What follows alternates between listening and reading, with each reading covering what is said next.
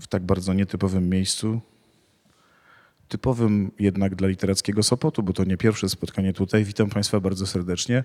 Ja nazywam się Łukasz Wojtusik, jestem dziennikarzem radiowym, zaprzyjaźnionym z literackim Sopotem, autorem podcastu Alfabet Wojtusika, w którym rozmawiam z różnymi ludźmi na temat książek, literatury i nie tylko.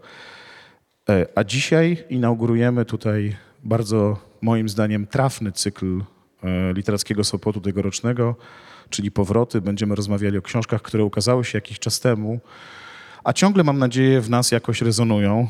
I najlepszym przykładem tego jest książka autora, która stanie się no, punktem wyjścia do dyskusji, taką mam nadzieję.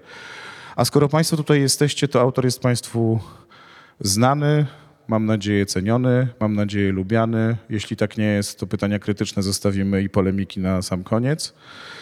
E, chyba, że ktoś nie będzie mógł wytrzymać. E, felietonista, autor dziennika, autor książek wielu. To chyba siódma w kolejności jego książka, kolejne wznowienie.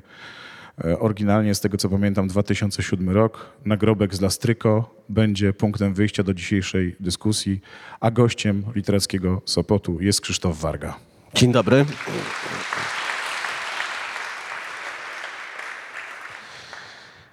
Jeszcze kilka informacji technicznych, e, ważnych dla tego spotkania i dla samego festiwalu. To jest 12 edycja, w tym roku poświęcona literaturze i kulturze niemieckiej. Na te spotkania bardzo sz- szczególnie Państwa zapraszam, autorzy i autorki e, e, tegorocznej edycji przyjechali już, z tego co wiem, i tych spotkań jest naprawdę, naprawdę sporo, także dyskusji i, i debat. I teraz Państwa proszę o bardzo duży aplauz, dosłownie za chwilkę, dlatego że Literacki Sopot jest jednym z pierwszych festiwali, a wiem to, bo bywam na wielu, e, który wprowadził coś, co powinno i mam nadzieję będzie stawało się normą nie tylko na wydarzeniach literackich i kulturalnych, czyli są z nami osoby tłumaczące na, na polski język migowy e, i one wykonają dzisiaj tutaj naprawdę ogromną robotę, za którą bardzo duże brawa proszę. Magdalena Sipowicz, Kamila Skalska. Jak Państwo widzicie, spotkanie jest rejestrowane. e, Zapis spotkania w wersji audio będzie dostępny na profilu Gojki 3 na Spotify, a zapis wideo na profilu Gojki 3 Art Inkubatora na YouTubie.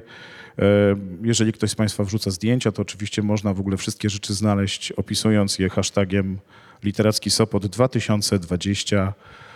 Trzy i jeszcze jedna ważna e, rzecz. E, Ja wiem, że jesteśmy w bardzo nobliwej przestrzeni, ale jeżeli Państwo po spotkaniu będziecie chcieli złapać autora i zdobyć jego podpis, tudzież wymienić się zdaniem odrębnym albo laurką, to myślę, że autor, mam nadzieję, da radę, podoła i chętnie się zgodzi. A książki autora można nabyć w księgarni Smak Słowa, sprawdzałem. Jest na przykład tam dziennik Hipopotama, jeszcze kilka egzemplarzy, ale jest też y, książka, o której dzisiaj mówiliśmy i będzie ona także na targach książki, które trwają e, na stoisku wydawnictwa Czarne, które opublikowało nagrobek z La Stryko. Tyle ogłoszeń. Teraz meritum. E, Które to meritum no, będzie dotyczyło tej opowieści, nagrobek z Lastryko i wiesz, zastanawiałem się nad jedną bardzo prostą rzeczą. Czy literatura się starzeje? No, e, zależy jaka, to po pierwsze. Dobra, E, czy nagrobek z Lastryko się starzeje? mo- momencik, daj mi powiedzieć coś.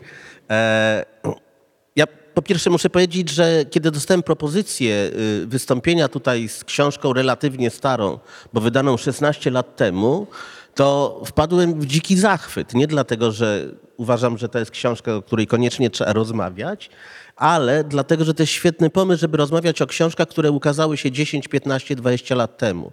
Dlatego, że żyjemy w takim świecie, gdzie dzisiaj książka żyje bardzo krótko, chyba że jest to no, totalny bestseller, jakiś nieprawdopodobny zupełnie, ale książka wchodzi na rynek, mówiąc brzydko, jest czas promocji, ona później z tego rynku schodzi i zapominamy o tym. Przez to, że jest taki nadmiar, nadprodukcja książek, to łatwo nam wypadają z głowy rzeczy, które już wyszły jakiś czas temu. I to jest świetny pomysł, żeby wracać do książek, które może nie są aż tak stare, ale z perspektywy dzisiejszego rynku są już ramotami, bo wyszły 16 lat temu. I teraz, czy to jest książka Czy jak aktualna, tak? No. Każda książka może być aktualna w jakiś sposób, tak? To znaczy dzieła średniowiecza też mogą być aktualne. To y, zależy od miejsca, od kontekstu, od tego, jak czytamy dzisiaj te książki. Ja przeczytałem właśnie nowe tłumaczenie Światłości w sierpniu Faulknera. Które Piotrek uka- Tarczyński. Tak, który się ukaże właśnie za parę dni. Co, co więcej, zrobiłem sobie repetę z Faulknera i przez y, dwa miesiące poczytywałem sobie i Światłość w sierpniu w, tłumaczeniu Słomczyńskiego i Wściekłość i Wrzask i Absalomie, Absalomie i jeszcze coś, i Sartoris. I, I zobaczyłem, jak inaczej dzisiaj czytam Faulknera. Że jako młody człowiek, który oszalał na punkcie Faulknera, którego nie rozumiał, ale był zachwycony e, maestrią, szaleństwem, całym tym obrazem, tą literaturą, tym obrazem południa, to dzisiaj widzę, że jako człowiek no, dorosły i żyjący tu i teraz, widzę, że światłość w sierpniu dla mnie jest coraz bardziej aktualna ze względu na to, że opowiada o nienawiści, o rasizmie, o, o bardzo wielu rzeczach, o fanatyzmie religijnym również.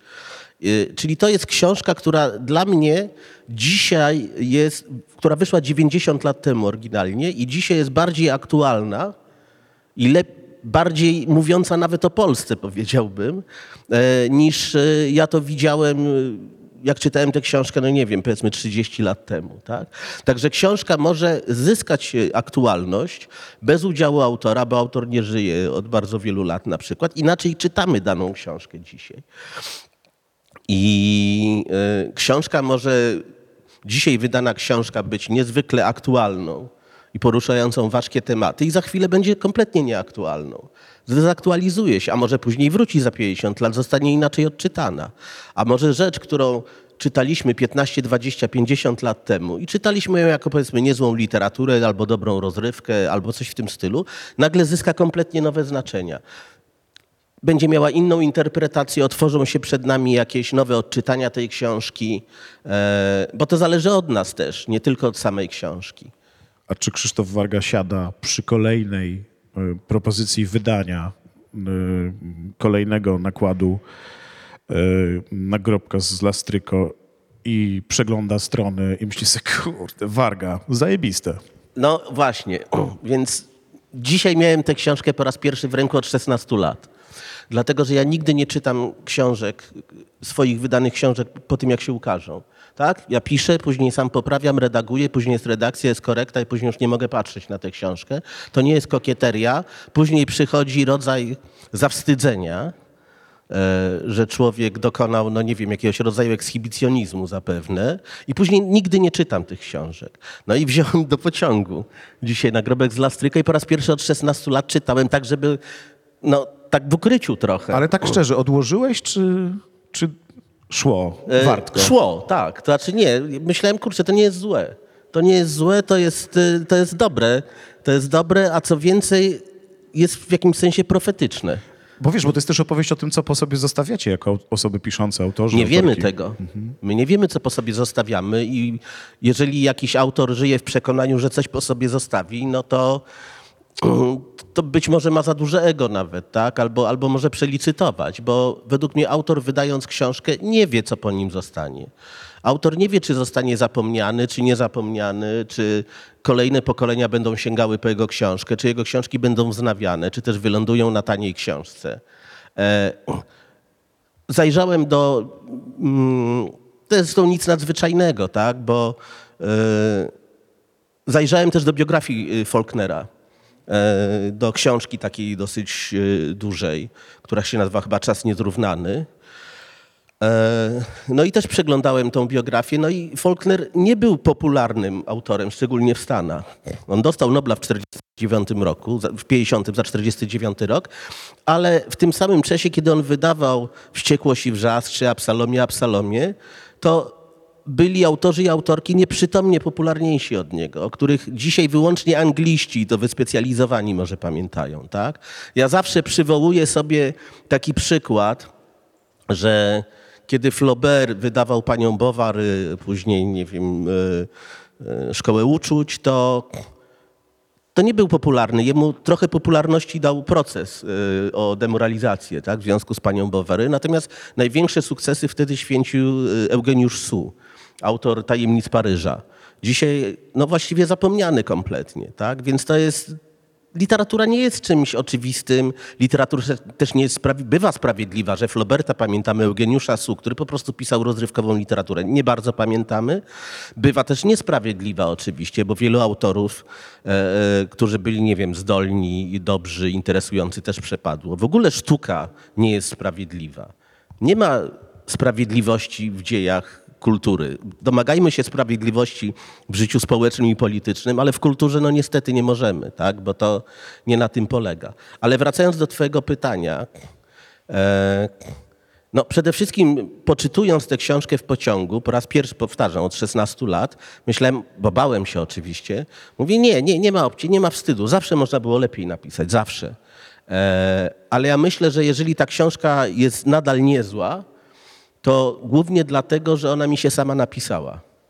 Ja nie mam nic wspólnego, ja tylko ruszałem palcami. Daimonion mi ją dyktował może, ale prawda jest też taka, że to jest książka, która mi się napisała najłatwiej, w pewnym sensie nawet bez mojego udziału. Ale to jest arcyciekawe z tego względu, że ja sobie myślałem, że sposób, w jaki ją napisałeś, albo zabieg, którego użyłeś, który pokazuje nam z perspektywy tego 2007 roku przyszłość, a dzisiaj jest 2023 rok i on się zresztą pojawia w twojej książce, no, że to jest jednak takie duże niebezpieczeństwo, że taka opowieść może się szybciej zestarzeć. Wiesz, zastanawiałem się też nad tym, jak się taką książkę, jak się jest autorem, no właśnie odświeża. I poszedłem po bardzo głupi, przyznaję, wpadłem na bardzo głupi pomysł. Wpisałem w Google'a, jak wyczyścić nagrobek z lastryko. I znalazłem naprawdę artykuł w g- m, internetowym wydaniu na temat, który pisze tak, pani Daria Siemion pisze tak. Lastryko da się wyczyścić domowymi sposobami. Będziesz potrzebować do tego ciepłej wody, płynu do mycia naczyń, szczotki z twardym włosiem, sody oczyszczonej i oleju. Może to być tłuszcz jadalny. Nagrobek należy oblać ciepłą wodą pomieszaną z płynem do mycia naczyń. Większe zabrudzenia można posypać sodą oczyszczoną. Tak przygotowany pomnik można pozostawić na kilka minut, a następnie wyszorować To brzmi, szczotką. brzmi trochę, wiesz, jak przepis kulinarny. Tak? Później odstawić, wyjąć z piekarnika, odstawić. Wiesz co z tym, ja ci opowiem, jaka w ogóle była historia z tą książką, bo ja tę powieść e, na dobrą sprawę napisałem z powodu śmierci mojego ojca.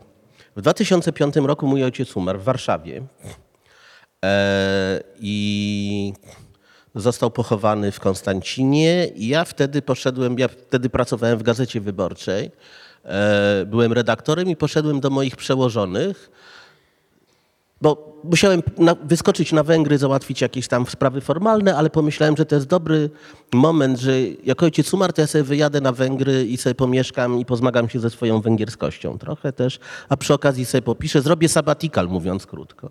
I poszedłem do moich y, y, przełożonych, nie pamiętam chyba do Piotrka Stasińskiego, ale nie pamiętam dokładnie, i powiedziałem, no, że jest taka sytuacja, że chciałbym wziąć urlop bezpłatny na rok.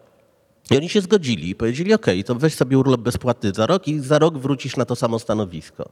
Co było bardzo przyjemne i do tej pory jestem im za to wdzięczny. I wyjechałem do Budapesztu na rok, żeby napisać powieść o Warszawie. I to jest ta książka właśnie. Ja ją pisałem w Budapeszcie przez rok. Niecały zresztą, bo też równolegle pisałem wtedy Gulasz z Turula. E, I no i to jest jakby, wydaje mi się, że pewien rodzaj łatwości, jaka przyszła mi w pisaniu tej książki, polegał na tym, że pisałem ją w Budapeszcie, jednak w innym kraju, a wtedy Budapeszt nie był Warszawą, e, wtedy Węgry były też innym krajem. E, I byłem tak absolutnie oderwany od Polski przez ten czas, czyli ja właściwie nie czytałem doniesień medialnych z Warszawy. Żyłem w Budapeszcie, żyłem Budapesztem, żyłem Węgrami, e, jadłem węgierskie jedzenie e, i tej Polski jakby nie było na co dzień w moim życiu w ogóle. To mi dało jakiś dystans i, i oddech. I pamiętam, że mieszkałem na Filerutco, powyżej ówczesnego y, placu Moskwy. Teraz to jest plac Kalmana Syla. I, I siedziałem i pisałem. I tyle pamiętam, wiesz? Pisało się po prostu, samo się pisało. Dlatego, że każda książka pisze się inaczej, jest pisana inaczej. Ja pamiętam, że książka Powieść moja Trociny wykończyła mnie kompletnie psychicznie. To, że ja nie sfiksowałem, mnie nie odwieźli e, e, na sygnale, to, to szczęście jakieś, dlatego że był jakiś potwornie wyczerpujący psychicznie proces, który doprowadził do tego, że chodziłem wściekły, podirytowany, kłót, kłótliwy jakiś, bo tak się zidentyfikowałem z bohaterem tej książki. Tak? Inną książkę, która się nazywa Aleja Niepodległości, pisałem w jakichś katastrofalnych mękach Yy, i jakbym orał kamienie. Yy, A ta książka jest książką, która rzeczywiście powstała sama w pewnym sensie bez mojego udziału. Nie wiem, być może właśnie ten dystans, to oddalenie, to, że wtedy mieszkałem w Budapeszcie, a nie w Warszawie, sprawiło, że pojawiła mi się taka właśnie wizja yy, futurystyczna Polski.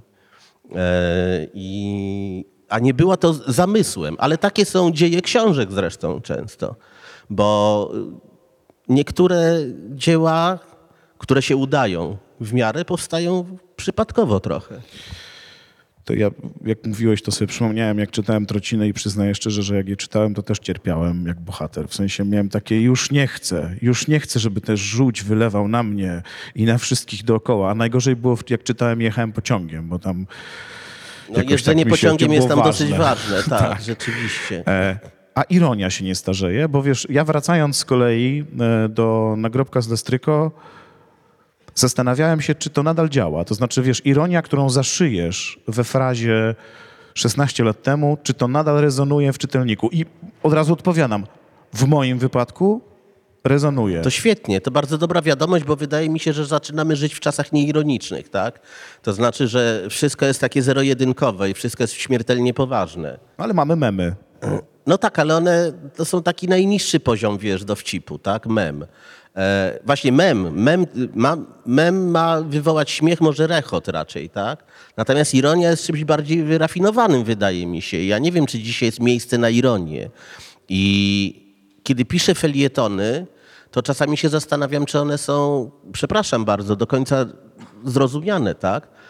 Yy, yy, bo wydaje mi się, że, że często czytelnicy już y, domagają się jasnych, jedno, zero-jedynkowych jakby stanowisk, tak? czarno-białej sytuacji.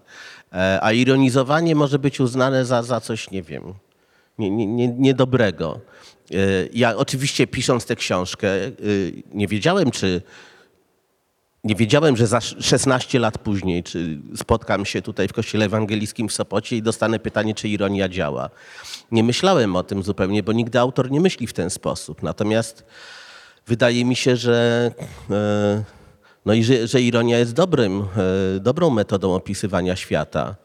Mm, A ja mam skłonność do niej raczej. Często usiłowałem bardzo na poważnie napisać różne rzeczy i im bardziej poważnie próbowałem, tym bardziej groteskowo to wychodziło. Więc ja na razie jestem bardzo zadowolony, że okazuje się, że po 16 latach ta książka nie jest właśnie już kompletną no, ramotą jakby. To takie przykłady mocnej ironii, dosłownie dwa. Y, Piszesz, bo w tej książce wybucha wojna, profetycznie.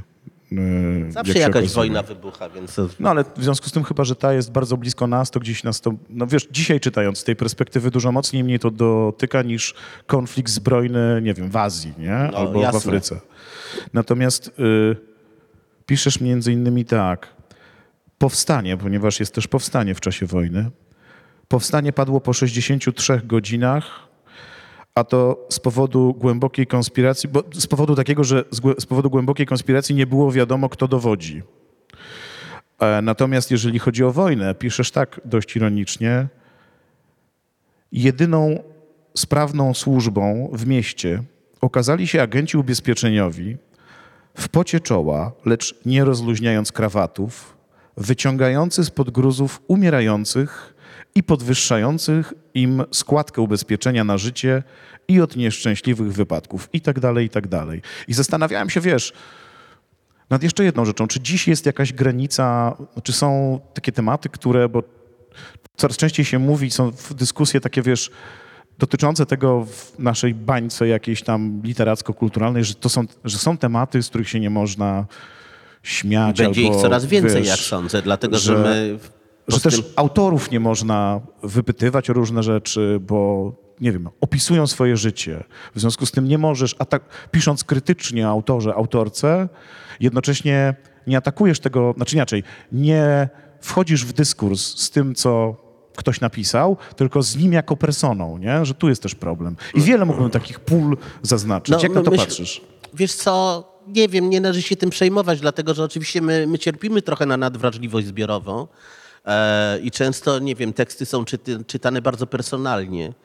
E, mnie personalia nie interesują, jeżeli piszę o jakiejś książce, na przykład polskiej, z jakiegoś powodu, chociaż ostatnio bardzo rzadko to robię, bardzo rzadko, chyba że Drełacha w felietonach z książek różnych autorów, na przykład Pawła Lisickiego uwielbiam czytać, maniakalnie czytam jego książki. Czy ma osobną a półkę u ciebie? Czy rozumiem, że ma osobną półkę u ciebie w biblioteczce? E, ja te wszystkie książki puszczam dalej później na zasadzie book crossingu, tak? Albo przeczytałem teraz książkę Sławomira Mencena. To może napisz mu blur po prostu, polecenie. Skoro jesteś korowym czytelnikiem. Z palca co zrobię.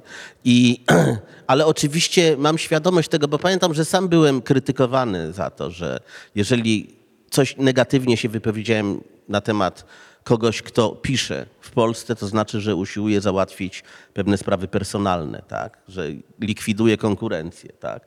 Jeżeli napiszę pozytywnie, mogę zostać oskarżony o to, że jest kolesiostwo. Prawda?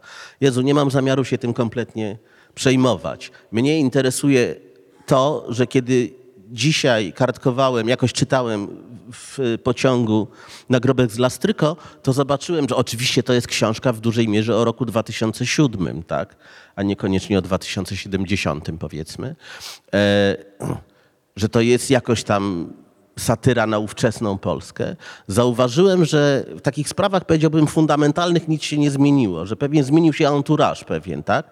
Oczywiście wtedy nie było... To jest straszne. Co jest straszne? No to, że ja to czytałem i właśnie, i właśnie nic się nie zmieniło. Otóż to. Ja, ja czytałem tę książkę, to jest książka sprzed 16 lat, niemal 20, tak?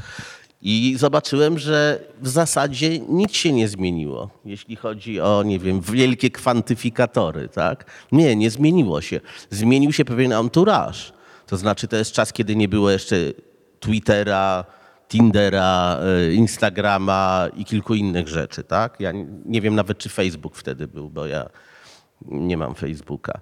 Na w związku z tym bohater chodzi do kawiarni internetowej. Tak? Dzisiaj nie ma kawiarni internetowej, bo wszędzie masz zasięg. Więc to są te zmiany. Tak? To są te zmiany, ale y, to są zmiany czysto technologiczne, jak zauważyłem.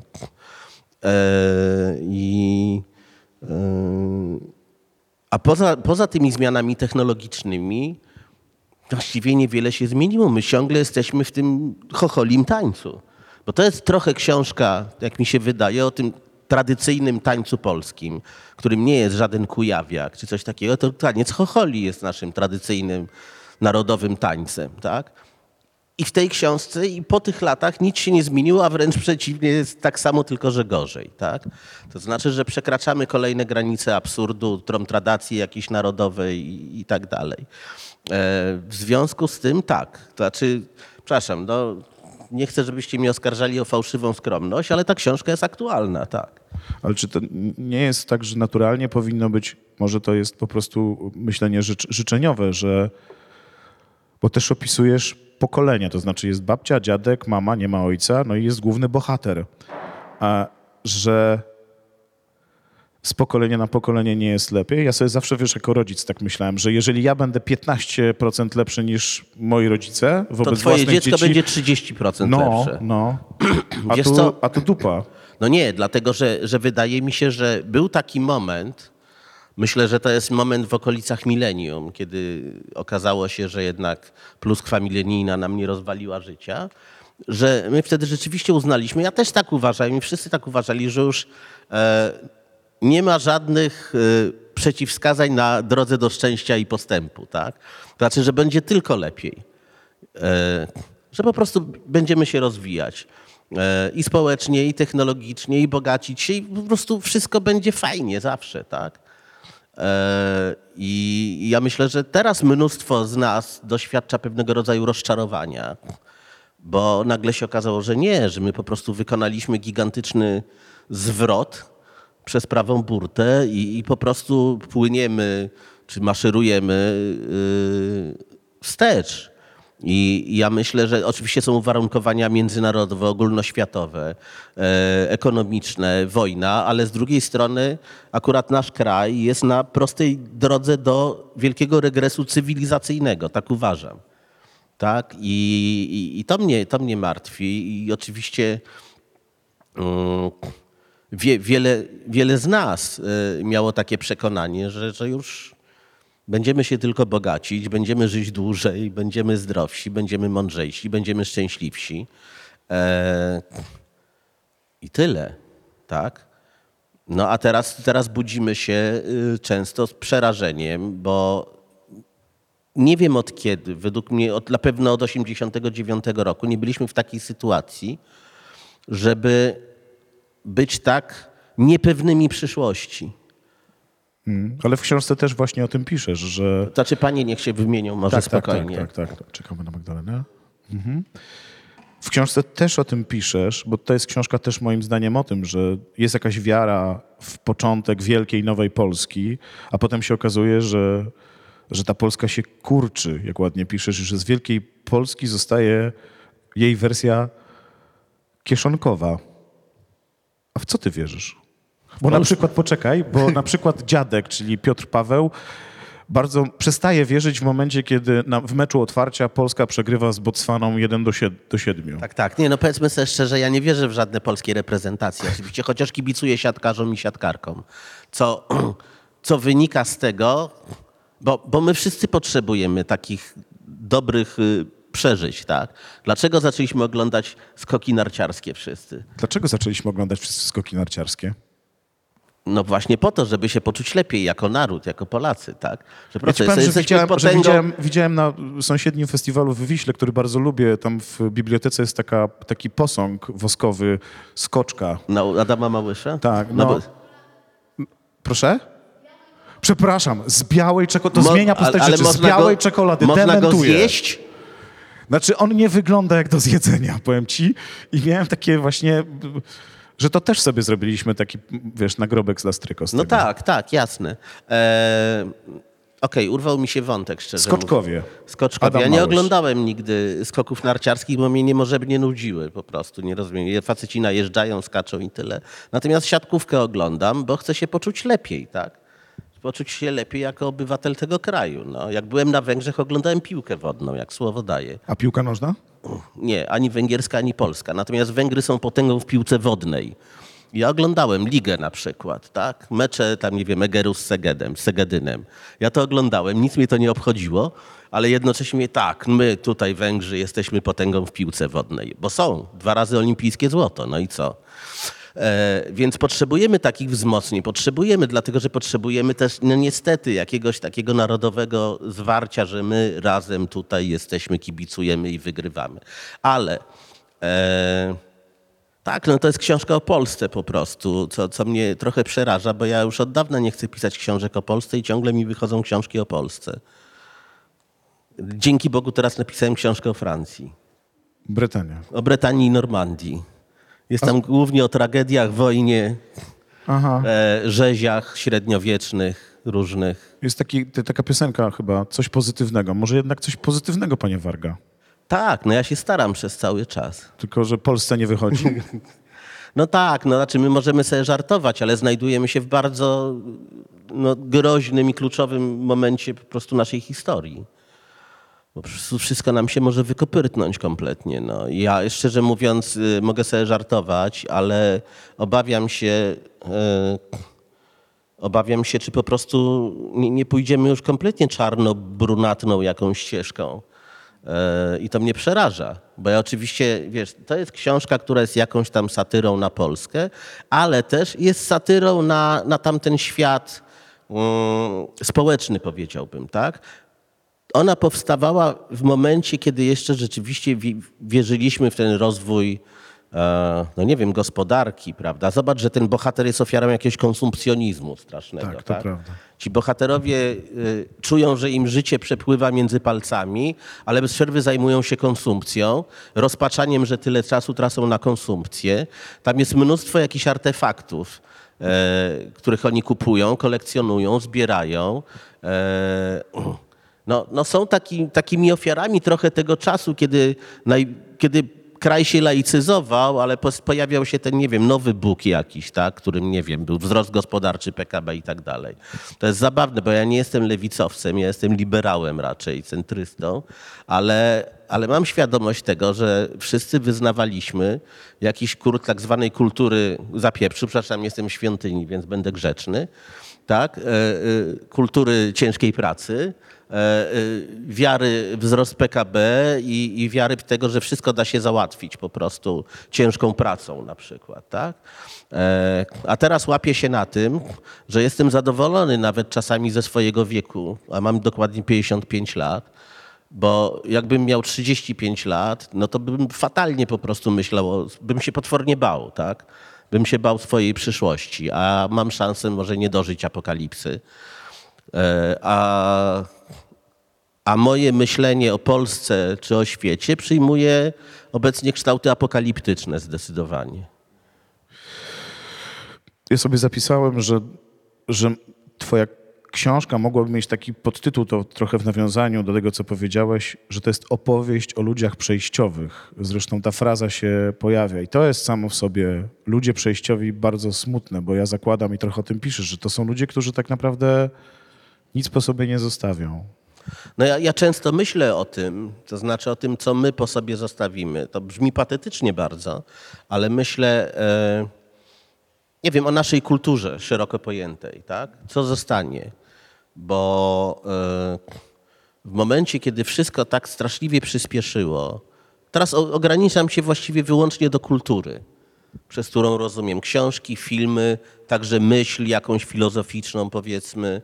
E, że tak wszystko przyspieszyło, jesteśmy zalewani taką nadprodukcją i myśli, i twórczości wszelkiego rodzaju, że ja kompletnie nie wiem, czy to, co po sobie zostawimy, nie przepadnie zupełnie w pomroce dziejów za lat 50. E, Okej, mamy rok 2023, czy za 27 lat, koło roku 2050, w ogóle cokolwiek zostanie z tej naszej kultury, tak? Już pomijam to, jak będzie wyglądał ten kraj, i Europa i świat w 2050 roku.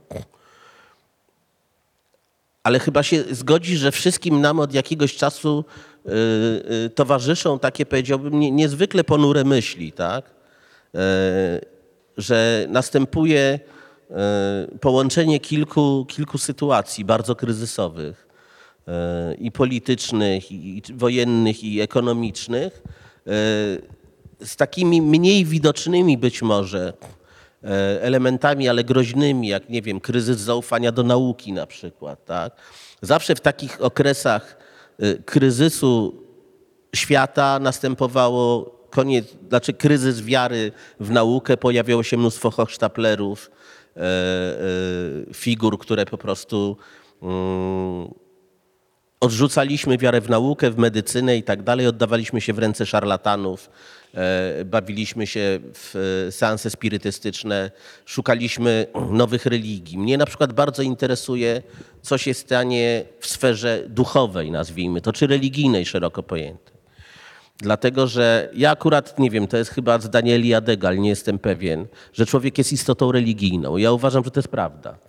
Ja jestem ateistą, ale uważam, że człowiek jest istotą religijną i poszukuje jakiegoś rodzaju duchowości nieustannie. Nie ma ucieczki od duchowości, nie ma ucieczki od szukania e, mm, pocieszenia w sferze duchowej. Tak? I to, że Polska, Europa, nie wiem, się laicyzuje bardzo, to jestem pewien, że w tę dziurę coś wejdzie. Nie wiem co jeszcze, tak? E, Bo wchodzą różne rzeczy, tak? Pewnie czytacie, że coaching e, i tego typu historie. Ale ja na przykład, dla mnie interesujące jest bardzo, jesteśmy w kościele ewangelickim, ale dwa słowa o katolikach, ok? E, Dlatego, że katolicyzm w Polsce jest w sytuacji totalnie kryzysowej, bo stracił zaufanie w wielkiej mierze ale w tę szczelinę wchodzi na przykład, no następuje coś takiego jak pantekostalizacja e, polskiego katolicyzmu, postępująca, czyli uzielono świątkowienie. Tak? Pojawiają się różne ruchy charyzmatyczne. Tak? Pojawiają się jakieś e, inne, powiedziałbym, ruchy parareligijne. I mnie to bardzo interesuje, jak to będzie wyglądało. E, jaka będzie powstawała nowa jakaś religia, tak? Bo jakaś będzie powstawała. Nie wiem jeszcze jaka. To mnie bardzo, bardzo ciekawi, trochę przeraża. Mm. I, I też o tym myślę, tak? Bo to będzie część składowa tego, jak będzie wyglądało nasza rzeczywistość za lat 10, 15, 20. Ja nie spodziewam się długiego życia swojego, więc. y, y, ale chętnie bym zobaczył, tak? Y, Być może bym się przeraził, ale chętnie bym zobaczył Polskę roku 2050. Przepraszam, to nie jest aluzja żadna do pewnej partii politycznej, tak? Nie ma to nic wspólnego z tym. E, Ale y, jak, jak będzie wyglądała duchowo, powiedziałbym, tak? Jak będzie wyglądała intelektualnie? E, Czy uda nam się zaprzepaścić właściwie wszystko, co, co jakoś tam osiągnęliśmy po upadku komuny? No to, co zapisałeś w tej książce, bohater rodzi się w 2038, z tego co pamiętam. I umiera w 2071 bodajże. No to, to nam się nie udało, to, to proste. Aha. Znaczy okej. wiesz, że... Czyli że... odpowiedzią jest moja książka. Tak. Okej, temat tak, zamknięty. Tak. Znaczy, jakbyście Państwo chcieli, to, to kolega też może na takim kanale dla wróżów, wiesz, będzie. Jak będzie, zadzwońmy do Krzysztofa Wargi, dowiedzmy się, wiesz, autorzy teraz stają się, znaczy mamy też taką bardzo dużą potrzebę autorytetów, e, Tak. których jest coraz mniej, nie? I autorzy też są coraz częściej pytani o rzeczy nie ze swojej półki, w sensie, wiesz, I chętnie się wypowiadają. jak żyć, I nie? chętnie się wypowiadają. No, dodatku, i to też tak? jest bardzo ciekawe. Jak ty w ogóle na to patrzysz? Bo to jest ciekawe. Jak żyć? No, nie. Jak żyć, to nam zaraz powiesz. Nie, ja myślę, ja, ja myślę, że kłopot polega na tym, że dzisiaj każdy nie tylko może, ale chętnie wypowie swoją opinię, tak? Natomiast, bo znowu żyjemy w, w świecie zupełnie zero-jedynkowym, tak? Na, natomiast odpowiedź na pytanie nie wiem jest trochę dyskwalifikująca dla człowieka, tak? Jeżeli ty mnie powiesz, Krzysztofie, jak żyć? Krzysztofie, A ja powiem, nie wiem. Nie wiem, bo nie wiem, nie mam pojęcia, tak? No to nie, on nie wie po No prostu. jak, nie wie jeszcze a książki o tym pisze. Tak, no. jeszcze I mówi nam jak pisze. będzie. Nie dość, że nie jak żyć, tylko Tak. jeszcze jak będzie. Tak. Więc, y, a ja coraz częściej nie wiem, tak? I, i, e, I oczywiście pojawia się więcej pytań w mojej głowie niż odpowiedzi, no bo nie, nie potrafię, nie mogę i mało kto z nas jest w stanie odpowiedzieć na te pytania. E, Natomiast zauważ, jak, jak bardzo właśnie wielu ludzi, e, e, że każdego się pyta właściwie o to, tak? Ale wydaje mi się, że to, to wynika z jakiegoś takiego przymusu posiadania opinii dzisiaj. E, I każdy musi dać swoją opinię, czy na Google, prawda, o restauracji, w której był. Jeżeli ja korzystam z hoteli w swojej podróży, no to natychmiast dostaję jakieś później ponaglenia, że mam wydać opinię na temat tego hotelu, na temat restauracji, w której byłem, na, na temat wszystkiego. Trzeba mieć opinię na temat wszystkiego. Ale nie można mieć opinii na temat wszystkiego. Absolutnie. To jest niewykonalne. Pan Bóg nie ma opinii na każdy temat nawet. E, a, a jest taki jakiś przymus i wiesz, te opinie gdzieś fruwają, znikają i nie mają żadnego wpływu na nas. Z jednej strony mówisz, że szukamy autorytetów, z drugiej strony też nie wierzymy autorytetom, tak? To No znaczy, to są takie chyba rzeczy, które dzieją się jednocześnie. Nie? tak, to znaczy e, szukamy autorytetów, ale jeżeli wyjdzie największy autorytet medycyny, dajmy na to, e, i powie, że czeka nas, nie wiem, straszliwa absolutnie katastrofa, ponieważ e, ponieważ rozpuszcza się wieczna zmarzlina i te wszystkie bakterie, które są zamrożone od tysięcy lat wypłyną i będzie gigantyczna pandemia, przy której koronawirus to nic takiego, to czy my uwierzymy mu? Nie, większość mu nie uwierzy, bo uwierzy, nie wiem, wróżbicie Jackowskiemu z Człuchowa, tak? I mówię to jako przykład, tak? I obawiam się, że my, ponieważ wszyscy są zaniepokojeni, niektórzy są przestraszeni, czują się niepewnie. Jedyną pewnością dzisiaj jest poczucie niepewności. Boimy się o swoją przyszłość, to będziemy szukać, ponieważ przestajemy wierzyć w Boga, większość się laicyzuje, to szukają, będziemy szukać pocieszenia i ochrony gdzieś indziej, u szarlatanów, właśnie wróżbitów, e, u jasnowidzów e, i tak dalej. Znaczy oczywiście mnie to w pewien sposób kręci perwersyjnie, tak? Dlatego, że jednak wizja całego, nie wiem, świata, a przynajmniej jednego kraju, który kompletnie oszalał i, i szuka pomocy chiromantów i wróżbitów i szarlatanów, e, jest pociągająca. bardzo. Proszę? Proszę. Temat na książkę. No tak, tak, tak. Oczywiście. Można, można napisać taką powieść, która będzie opowieścią o, o przywódcy duchowym jakimś, tak? Który wypływa na fali jakichś wydarzeń, tak? Jest totalnym hochsztaplerem albo też przy, przez przypadek zostaje przywódcą duchowym i skoro już jest przywódcą duchowym, to musi grać tę rolę dalej, tak?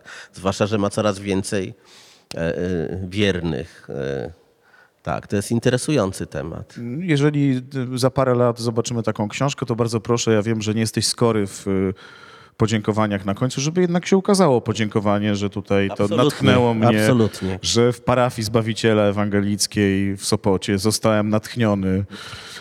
Nie, nie, o, o parafii ewangelickiej nigdy nie zapomnę. Nigdy nie zapomnę, jestem bardzo wdzięczny za zaproszenie tutaj, bo jak pewnie wiesz, jestem absolwentem katolickiego liceum, Tak. czym się obsesyjnie chwalę zresztą. I, I wszystkim mówię, że teraz to sobie możecie Przejście zdawać... przez to pozwoliło ci mieć ten dystans. I Tak, tak. może Zwłaszcza, stąd że... ta ironia. E, Może tak, bo robiłem maturę z religii za Jaruzelskiego jeszcze. A, wy, a to co? O ironio, tak. E, I szczerze mówiąc, ta matura dawała możliwość pójścia do seminarium bez egzaminów. I czasami się później zastanawiałem, że właściwie może to był jakiś pomysł, bo dzisiaj byłbym już biskupem. No ale słyszałem, że... A Poczekaj, bo biskupem- słyszałem, że jeszcze tutaj zdradzimy teraz trochę didaskaliów będzie, że, że ty się całkiem nieźle czujesz w sutannie, że miałeś przyjemność. Nie, ale to, to miałem przyjemność, ale to dlatego, że Wojtek Smarzowski mnie zawsze e, brał do teledysku, żebym księdza grał. Bo ja mam jowialną twarz, budzącą zaufanie, a księża zazwyczaj mają takie twarze. No jowialne ciekawe, i ciekawe. budzące zaufanie, więc w związku z tym zawsze przebierali mnie w sutannę i kazali występować w teledysku. W jednym nie wystąpiłem. E, grałem, miałem tam grać biskupa. Mm. Ale Smarzowski znowu będzie robił jakiś teledysk doktora Misia, bo on robił teledyski zespołu Arka Jakubika, doktor Misia i ja tam właśnie za księdza dwa razy robiłem i być może znowu, jak czas pozwoli, to zagram księdza. Po prostu jakoś się dobrze czuję w sutannie, wiesz? Ja rozumiem. I, e, I czasami tak myślę, wiesz, że... No bo w sumie tak, byłbym w moim wieku, mógłbym być dzisiaj już biskupem jakiejś poważnej diecezji, co, furę też mógłbym mieć, jak mam. No, znaczy, mogłoby mi się dobrze powodzić całkiem. O tym, czy ci się powodzi za chwilę y, y, dobrze. Y, Jak Państwo, w ogóle jest bardzo ciekawe takie doświadczenie, patrząc teraz na Krzysztofa Wargę. Macie takie, możecie sobie tutaj tam obok do kolegi, koleżanki, sąsiada, sąsiad powiedzieć, ty, ale on w taki, w typie księdza, jak się tak popatrzy na niego, nie? Znaczy w sensie, że może być coś takiego. I to będzie skojarzenie zupełnie uzasadnione. Ale a propos... Bo z tego- urodą księdza człowiek się nie, nie rodzi, tylko jej nabywa z czasem. Aha, to ciekawe. Ciekawe. Nie wiem, co na to chłopaki w seminarium. Dobra, ale wracając do tematu, bo poruszyłeś bardzo fajny wątek tego, że wtedy by ci się pewnie dobrze powodziło, ale sobie można też tak, wiesz, patrząc na to, co robisz w życiu, także w kontekście wznawianej co jakiś czas książki yy, Nagrobek Zastryka, ale nie tylko tej, yy, to myślę sobie, że bycie wargą to jest spoko. Wiesz dlaczego? Dlatego, No że... właśnie, chętnie się dowiem. Tak, nie, bo to jest tak, wiesz, no tak. Nie musisz robić tego inaczej. Jak ktoś wrzuci zdjęcie nasze na Instagramie, to mnie oznacza, a ciebie nie, bo ciebie to jest przestrzeń, która kompletnie cię nie obchodzi i nie interesuje. Z tego, co wiem, konta na Facebooku nie masz. Nie uczestniczysz bezpośrednio w tych wszystkich walkach e, i dramach, e, czyli nie musisz tego robić, a musi to robić dzisiaj myślę, że spora część osób piszących, żeby istnieć. I Znaczy- to jest raz. Dwa. Felietony piszesz. Dzien, masz, piszesz, napisałeś dziennik, chłopie. W sensie to jest w ogóle też jakiś, myślę, że już pisarski przywilej, który wiele lat temu był norm, normalnością, nie?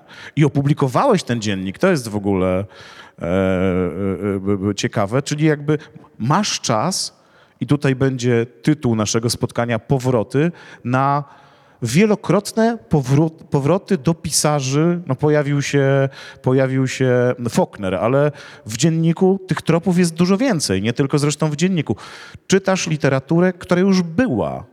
Sięgasz po nowości, ale sporadycznie. Tak. No więc czy to też nie jest takie, wiesz, trochę klasowe, oto inteligent, dobrze piszący felietony, rozchwytywany i tak dalej, będzie nam tutaj, prawda, opowiadał z takiej perspektywy trochę, wiesz, no, z podwyższenia w kościele ewangelickim. Okej. E, znaczy, wiesz, miałem ten przywilej, a nawet luksus, że całe dorosłe życie pracowałem i to w gazetach, tak? E, przez circa 30 lat pracowałem w Gazecie Wyborczej. Tak, i siedziałem tam całymi dniami. Przez jakiś czas byłem pisarzem e, weekendowym i, i pisałem swoje w weekendy. Więc dawało mi to wolność, dlatego że pieniądze zarabiałem pracując w gazecie wyborczej. Tak? Od e, jakiegoś czasu jestem w Newsweeku.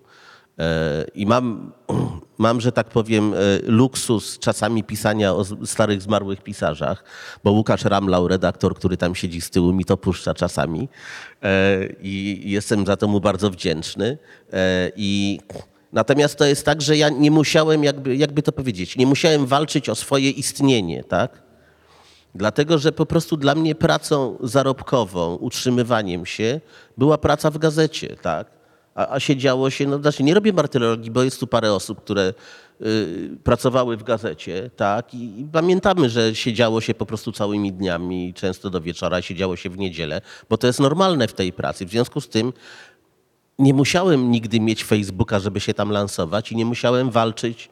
O, byłem raz w życiu na stypendium, dlatego że mnie Węgrzy zaprosili do miasta Pecz na miesiąc. I pojechałem ze względu na węgierskie e, historie. Nigdy nie starałem się o żadne stypendium, dlatego że miałem pensję w gazecie. I tutaj zmierzamy do tego pewnej rodzaju roszczeniowości wielu pisarzy dzisiaj, często młodszych, którzy domagają się właściwie pensji w pewnym sensie. Tak? To jest dla mnie zdumiewające.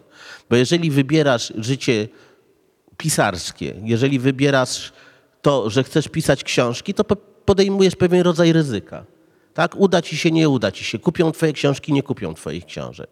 Ja zostałem dosyć solidnie przez młodych, głównie chyba lewicowych pisarzy e, skrytykowany za to, że pewnej pisarce kiedyś w felietonie e, ją, e, no właściwie chyba wyśmiałem, bo ona domagała się, była, skarżyła się, że jej książki, za mało się jej książek sprzedaje, tak? I ona za mało zarabia, tak? Jakiś czas temu widziałem pretensje pewnej pisarki albo pomysły, że właściwie wydawcy powinni przez dwa lata płacić pensję autorowi, który pisze książkę. Oczywiście dostajemy zaliczki na książki, ale na Boga, to znaczy chcesz pisać książki, no to po prostu albo rezygnujesz z czegoś, albo piszesz je wtedy, kiedy możesz, tak? Znaczy, można uznać, że należę do pewnej generacji uprzywilejowanych, którym było łatwiej kiedyś, tak? Bo dzisiaj rynek jest zapchany książkami, zapchany autorami, coraz trudniej zaistnieć, a jeżeli się zaistnieje, to się istnieje na krótko, tak? E, nie ma masowej sprzedaży. E, Jest kilkoro autorów, którzy są w stanie utrzymać się z tego. Tak? Ja mówię o takich autorach młodszych niż Sapkowski, tak? powiedzmy, który się z tego utrzymuje, ale e, jest ich bardzo niewiele. Zresztą zobacz, wielu autorów pisze scenariusze do seriali. To prawda. Tak, Żulczyk jest totalnie popularnym pisarzem polskim. Nie wiem, jakie są sprzedażowo wyniki jego, ale to jest chyba czołówka, jeśli chodzi o sprzedaż, mówiąc, używając brzydkiego słowa sprzedaż, tak? Ale pisze scenariusze do seriali. Boże, no, bo często tak było. E, I domaganie się specjalnych praw z tego powodu, że ja piszę książki, jest śmieszne i dziecinne po prostu. Okej, decydujesz, że chcesz pisać książki, to albo masz robotę jakąś, gdzie zarabiasz na, na bułkę y, z masłem, albo po prostu rzucasz robotę, siedzisz w piwnicy, żresz korę z drzew, przepraszam, i, i walczysz o swoje, tak? Natomiast domaganie się specjalnych praw, dlatego że jestem artystą, może we mnie jest ciągle ten taki, powiedziałbym, neoliberalny e, warga z czasów, kiedy się siedziało w gazecie całymi dniami i czasami nocami, ale e, wydaje mi się, że pisanie po prostu jest wyborem egzystencjalnym. Sorry za, za patos, tak? Piszę dlatego, że, e, że czuję taką potrzebę. Okej, jestem grafomanem. Grafoman nie może cię powstrzymać przed pisaniem. Ale może piszesz też dlatego, że nie potrafisz robić nic innego tak dobrze? E, pewnie tak, chociaż kiedyś nieźle jeździłem na nartach. Naprawdę. I tu wracamy do Małysza, nie wprost. E, więc e, e, wiedz, oczywiście, że tak. No, ja wiedziałem już w szkole podstawowej, że w tę stronę pójdę, bo naprawdę byłem świetny z przedmiotów humanistycznych i katastrofalny zupełnie z przedmiotów ścisłych, a w dodatku to, co było zawsze moim kompleksem, nie miałem zdolności manualnych, w przeciwieństwie do mojego brata ciotecznego, który kleił modele samolotów. Ja z tym żyję już od kilkudziesięciu lat z tą tragedią, że nie potrafiłem tak kleić samolotów jak on. E, natomiast zmierzam do tego na poważnie zupełnie i wracam do Faulknera teraz, tak? E, który co prawda na, naprawdę żył w długach przez wiele, wiele lat. E, pisał scenariusze w Hollywoodzie, napisał do, współpisał scenariusze, żeby spłacać długi, a w Hollywoodzie wtedy dobrze nie płacono za scenariusze wcale. E, Współpisał e, dwa scenariusze do filmów z Bogartem i Lauren Bacall, Bacall i, e, ale nie zarobił dużej kasy, a większość jego scenariuszy producenci wyrzucali do śmieci. On się wzbogacił oczywiście jakoś tam, kiedy już był noblistą, ale mówił jedną ważną rzecz, tak? To znaczy, są dwie rzeczy. Albo chcesz pisać, albo chcesz być pisarzem. Tak? Jeżeli chcesz być pisarzem, to źle. Jeżeli chcesz pisać, to jest ok, to jest dobrze. Pisarz chce pisać i nie wiem, potrzebuje kartki, ołówka i tego, żeby coś zjeść, ubrać się, mieć gdzie mieszkać, ale jest ktoś inny, kto chce być pisarzem i to jest już co innego, tak? E, chce być pisarzem, a więc chce być figurą, chce zarabiać pieniądze, chce być znany i tak dalej. Są dwa zupełnie różne typy. Piszesz, bo nie możesz się powstrzymać, bo przez to się potrafisz wyrazić, bo to jest silniejsze od ciebie, bo to determinuje twoje życie. Albo chcesz być pisarzem, czyli mieć dużo followersów na Instagramie. I tyle. No.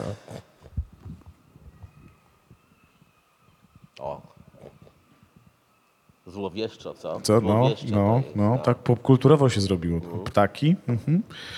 No dobrze, zanim rozdziobią nas kruki i wrony, Żeromskiego lubisz? Tak a propos jeszcze... Słuchaj, wiesz, powiem ci coś, bo, dlatego że ja czasami wpadałem w takie rodzaje manii. Wiesz, dlaczego bym się skojarzyło? Bo jest taka jego słynna opowieść, pozdrawiam serdecznie mojego pana profesora, y, y, którą no, tam do kamery pozdrowiłem, Aha, którą to okej. pan profesor mówi, że najważniejszym tekstem polskiego reportażu, nazwiska nie wymienię, jest tekst Żeromskiego na probostwie w Wyszkowie. I przypomniało mi się, bo też jesteśmy Jasne. na probostwie. E, znaczy, wiesz co, ja, ja kiedyś miałem... Bo słyszałem, że zbierasz Żeromskiego. Zbierałem, tak, znaczy już mam, bo mnie Ma dostałem... zebrane. Tak, dostałem takiej jazdy, że ja przeczytam całego Żeromskiego i się z nim jakoś rozprawię, przedyskutuję z nim wszystko i, i ponieważ w Warszawie po praskiej stronie jest kilka fajnych antykwariatów, jak na przykład antykwariat Grochowski, czy taki antykwariat y, blisko Placu Szembeka, gdzie można dostać dużo, dużo starych książek po niskich cenach to zgromadziłem sobie naprawdę prawie cały komplet tej jego powieści Walka z szatanem. To jest tam, nie wiem, ładnych parę tomów. I chciałem to przeczytać, popioły oczywiście i wiele innych rzeczy, bo miałem taką ambicję, że ja, e, e, że ja przeczytam całego Żeromskiego i napiszę o nim tekst jakby z dzisiejszej perspektywy, tak? No ale wiesz, poległem, no poległem, nie ma co. E, I nie przeczytałem całego Żeromskiego, już go nie zbieram. A, a później to usłyszałem, jak kiedyś Blanka Lipińska powiedziała, ja nie jestem pisarką, pisarzem to był Żeromski, a ja tylko książki piszę. I to mi się bardzo spodobało, ale nie spowodowało, żebym próbował Żeromskim jakby... E, nie, nie będę się już zajmował Żeromskim. Chętnie bym z nim po, polemizował, no ale mm, już nie umiem chyba. To jeszcze na sekundę wracając do y, samej książki, bo też można ją czytać w takim kluczu bólu zęba, który się pojawia u dziadka.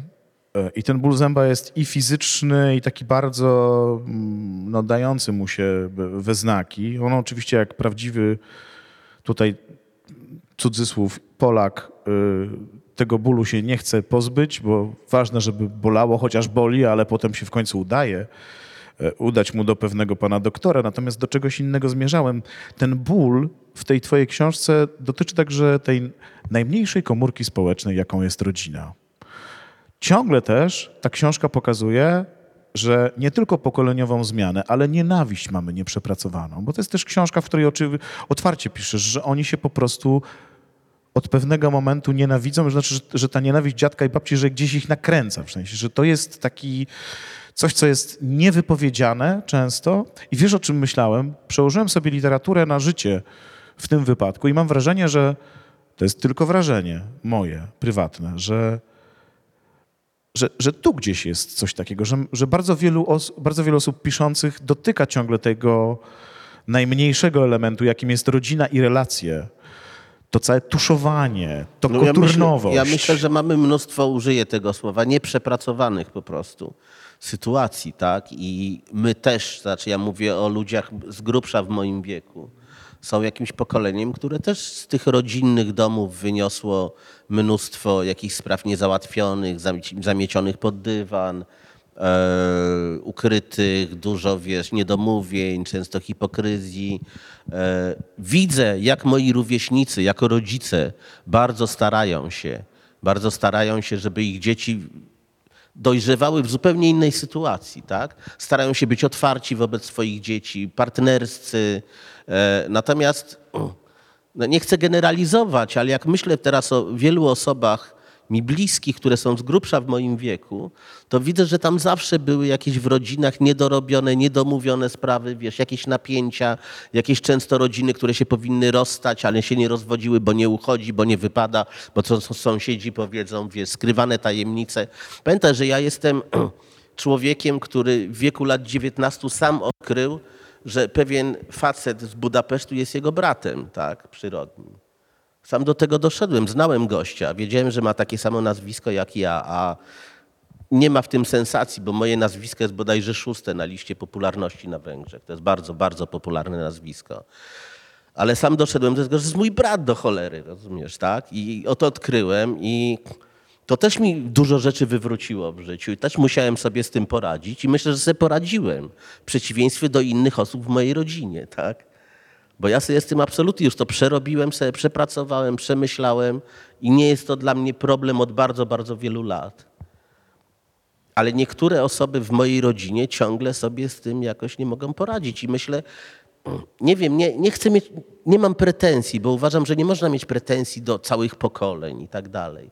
Oni też pochodzili z innego świata, inaczej byli wychowywani, przeszli przez inne historie. E, I ale myślę, że to wszystko trzeba przerobić w sobie po prostu, tak? E, My mamy trochę łatwiej, bo możemy, nie wiem, iść na terapię albo, nie wiem, przegadać to, e, przepracować, tak? E, Ale, ale myślę, że jednym z większych, jedną z większych nieszczęść właściwie, mówmy tylko o tym kraju, tak? Nie generalizujmy, były problemy z rodzinami, tak? I jest wiele osób, które zostały jakoś sponiewierane, nie fizycznie, ale mentalnie po prostu, przez to, jak wyglądało ich życie rodzinne. Uciekłeś od pytania trochę, ale to przeze mnie, dlatego że, że ja też trochę sprowadziłem cię na manowce i zeszło na Małysza e, i na dziadka i na Botswanę. E, A w co ty wierzysz? Nie wiem, w co wierzę. No wiesz, e, co ja chciałbym wierzyć może. W co ty tak? chciałbyś wierzyć? Chciałbym wierzyć w rozsądek, wyobraź sobie. Chciałbym wierzyć w normalność. To już się panie śmieją jakieś, widzisz? Jak powiedziałem słowo rozsądek, to już się śmieją. Chciałbym wierzyć w racjonalizm. O, tak? Ja myślę, że to byłoby super, jakby, jakby dominującą religią w Polsce był racjonalizm i zdrowy rozsądkizm. Ale, Ale pani jest zaszokowana? Nie, no, ja fantazjuję przecież. Tak? To byłoby super, jakby się wszyscy nagle wiesz, tak jakoś nawrócili i zaczęli wyznawać e, zdrowy rozsądek i racjonalizm. Ja wiem, że to wtedy świat stałby się nudny potwornie, No właśnie. potwornie nudny, ale ja mam w sobie taką potrzebę świata nudnego, tak? Mimo, że żywię się szaleństwem, żywię się szaleństwem moich rodaków, tak? Obłędem zbiorowym się żywię i, i wysysam to. Natomiast pamiętam, że kiedy był taki moment, kiedy wchodziliśmy do Unii Europejskiej na przykład, E, Ja nie jestem skory do płaczu i raczej, ale prawie się pobyczałem ze wzruszenia, kiedy przejechałem samochodem przez kilka granic bez kontroli, bo pamiętałem, co się działo wcześniej. Tak? Ja miałem taką fantazję, że Polska będzie takim krajem, gdzie największe spory będą się toczyły wobec, wokół, bo ja wiem, wielkości podatków. Tak? Że to będzie taka, nie wiem, jakaś Szwajcaria nad Wisłą E, Nie chodzi mi o bogactwo, tylko że po prostu nagle odpadną te wszystkie nasze upiorne, dyżurne tematy, nie wiem, o bohaterstwie i o zdradzie narodowej z drugiej strony. Tak? Cała narracja, od której się nie można oderwać, która coraz bardziej się rozpędza. Wszędzie zdrajcy i bohaterowie wyłącznie, tak? Patrioci, nie wiem, i antypolacy, wiesz. To jest nie do wytrzymania kompletnie, ale się świetnie sprzedaje najprawdopodobniej. Oczywiście Widzisz, ta debata, jak sobie fantazjowałem, że jak będą wybory parlamentarne, to partie będą takie merytoryczne programy wykładać i właśnie będą spory, jak, czy podatki mają być takie czy takie. To oczywiście wraca w formie groteski, tak? Bo jeżeli Sławomir Mencen mówi, że jak przejmie władzę, to w ogóle nie będzie podatków e, i, i tu zdobywa rzesze y, fanów, i no nie, i, i widzę właśnie, że to, że my coraz bardziej wkraczamy w, ramiona tego romantycznego upiora, e, ale już takiego przerobionego przez socjotechnikę, przez propagandę, e, przez to wszystko. I, e, a pytanie było o co? No, o to, w co wierzysz i w co, W co ja chciałbyś wierzę. No to wierzyć, powiedziałem, nie? że no, chciałbym- Racjonalizm. okej. Racjonalizm, No ale widzisz, tak, no, ale z drugiej strony, racjonalizując sobie- to 15 października pójdziesz do urny wyborczej i otrzymasz cztery zracjonalizowane pytania referendalne, na które będziesz miał możliwość odpowiedzi. Ja wiem i to jest, to jest dokładnie pomysł ściągnięty z Wiktora Orbana, który przy poprzednich wyborach parlamentarnych zrobił referendum, równocześnie tam ch- chodziło o LGBT. I ja, jak tylko usłyszałem o tym referendum, teraz to zobaczyłem, że to jest dokładnie jeden do jednego model wzięty od Orbana. E, Natomiast no nie. Wiesz, tu jest paradoks, bo ja w pewnym sensie oczywiście uwielbiam to y, zbiorowy obłęd Polski. E, Tylko, że to już nie jest zbiorowy obłęd polskiego romantyzmu. Nie jest to zbiorowy obłęd, e, e, nie wiem, wieszczów naszych. To nie jest szaleństwo Krasińskiego i obłęd Mickiewicza i Słowackiego. E, ale to jest jakieś takie szaleństwo, które zostało wyprodukowane w laboratorium, wiesz, w laboratorium za pomocą różnych narzędzi socjotechnicznych, za pomocą nowych y, technologii, za pomocą e, e, no właśnie narzędzi psychologicznych y, i propagandy. I, a ponieważ jesteśmy jakoś podatni na, na, na takie rzeczy, i pewnie ludzie na świecie też są podatni, no bo mogliśmy to również obserwować w Stanach, prawda? Ale tu bardzo ciekawy wątek poruszyłeś, bo jak mówiłeś o tym, to z kolei mi się przypomniał taki esej Piotra Augustyniaka, który mierzy się z wyzwoleniem Wyspiańskiego i w ogóle z Wyspiańskim i on w pewnym momencie dochodzi do takiego wniosku, no, który być może, nie wiem, dziś nie jest odkrywczy, książka parę lat temu powstała, ale że, że dla mnie wtedy to było jakieś takie dojmujące, bo to było świetnie opisane, choć językiem niełatwym, że myśmy po prostu sobie nie stworzyli nowej ramy dla romantyzmu. To znaczy myśmy tego romantyzmu nie zburzyli i ciągle te demony, upiory i ta husaria jeszcze do tego nam gdzieś wyłazi, bo to jest podręczne. Szczególnie dziś w świecie mediów społecznościowych, gdzie rzucasz krótką frazę i wiesz, jesteś w stanie kogoś zabić za ideały, e, a siadasz z nim przy stole i nie jesteś w stanie tego zrobić. Nie? Tak, znaczy, żeby to przynajmniej były ideały stare. To są raczej jakieś, wiesz, e, jakieś stereotypy i, i schematy. Natomiast wiesz, no, na to pytanie to by lepiej odpowiedziała Maria Janion, no, tylko że, że nie odpowie, ale e, na temat e, roli romantyzmu, tylko że ten romantyzm został w jakiś sposób zwulgaryzowany kompletnie, tak? On został zwulgaryzowany i zamieniony w jakieś odpustowe świecidełka. E, Zresztą a pani już tam ziewa na przykład. Hmm? E, więc, e, no ale, ale wiesz, no, ży, żyjemy w takim świecie po prostu. Więc tak, no chciałbym po prostu, żeby to było wszystko jakoś racjonalne, ale nie spodziewam się, że to się zdarzy kiedykolwiek. I nie jest to przypadek wyłącznie Polski, bo wydaje mi się, że duża część świata zaczyna wchodzić w, te, w ten okres irracjonalny.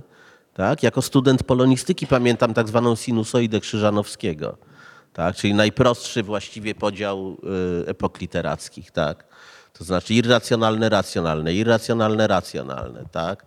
Czyli że romantyzm irracjonalny, pozytywizm racjonalny. Tak? Średniowiecze irracjonalne, a renesans racjonalny i, i tak dalej. Jeżeli przyjmiemy ten bardzo prosty podział i nie, nieoczywisty, uproszczony według mnie niezwykle, to, to na pewno po jakimś tym piku, powiedzmy, jakiegoś okresu w, mia- w miarę jakiejś tam racjonalności zaczynamy wchodzić w ten okres irracjonalny absolutnie. I jak powiedziałem, mnie to intryguje, ale jeszcze raczej przestraszony. Państwo nie musicie się bać zadawać pytań, autor racjonalnie odpowiada, a jeśli jest potrzeba, to również racjonalizuje. Wiem, że jest y, mikrofon i myślę, że w związku z tym, że był pierwszy ziew, to to jest czas dla Państwa. E, Jest pytanie, już będziemy tutaj. Ja bardzo dziękuję za tak niezwykle inspirujące i ciekawe spotkanie, ale mam właściwie nie wiem, czy trzy pytania, czy trzy uwagi z, wielu, które mi się nasunęły. Pierwsze, jak można religię łączyć z duchowością? Duchowość oznacza wolność, religia oznacza ograniczenie. Duchowość oznacza świadomość śmierci i czerpanie z tego tak naprawdę radości życia. Religia oznacza strach przed śmiercią i próbę uporania się z tym. Więc o ile zgadzam się z tym, że jesteśmy duchowymi istotami, powiem wszystkie trzy usiądę, e, to nie bardzo rozumiem tego łączenia, zwłaszcza, że pan tak pięknie przerobił to na bycie biskupem, w związku z tym bardzo materialnym i bardzo zyskownym i lukratywnym biznesem. Druga rzecz, co złego w tym, że mówimy nie wiem. To jest to, co ja uczę swoich studentów i studentki na samym początku. Nie mają udawać, że się znają na wszystkim. Ja mam prawo nie wiedzieć i z tego chyba nie powinno wynikać to, że jest źle. I trzecie, to rozumiem, że to jest rzecz poważna i wymagająca głębszej dyskusji, ale przyszedł mi na myśl inny noblista, Raymond. Nie mielibyśmy chłopów i nobla, gdyby nie żona, która miała kasę i która płaciła za to, że on sobie siedział i pisał.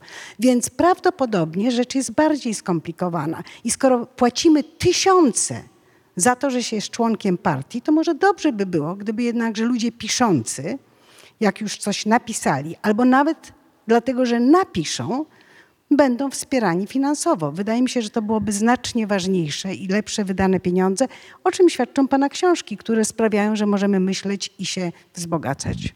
Duchowo co najmniej. Dobrze, to ja się ustosunkuję teraz. Najpierw do pytania, czy uwagi numer dwa.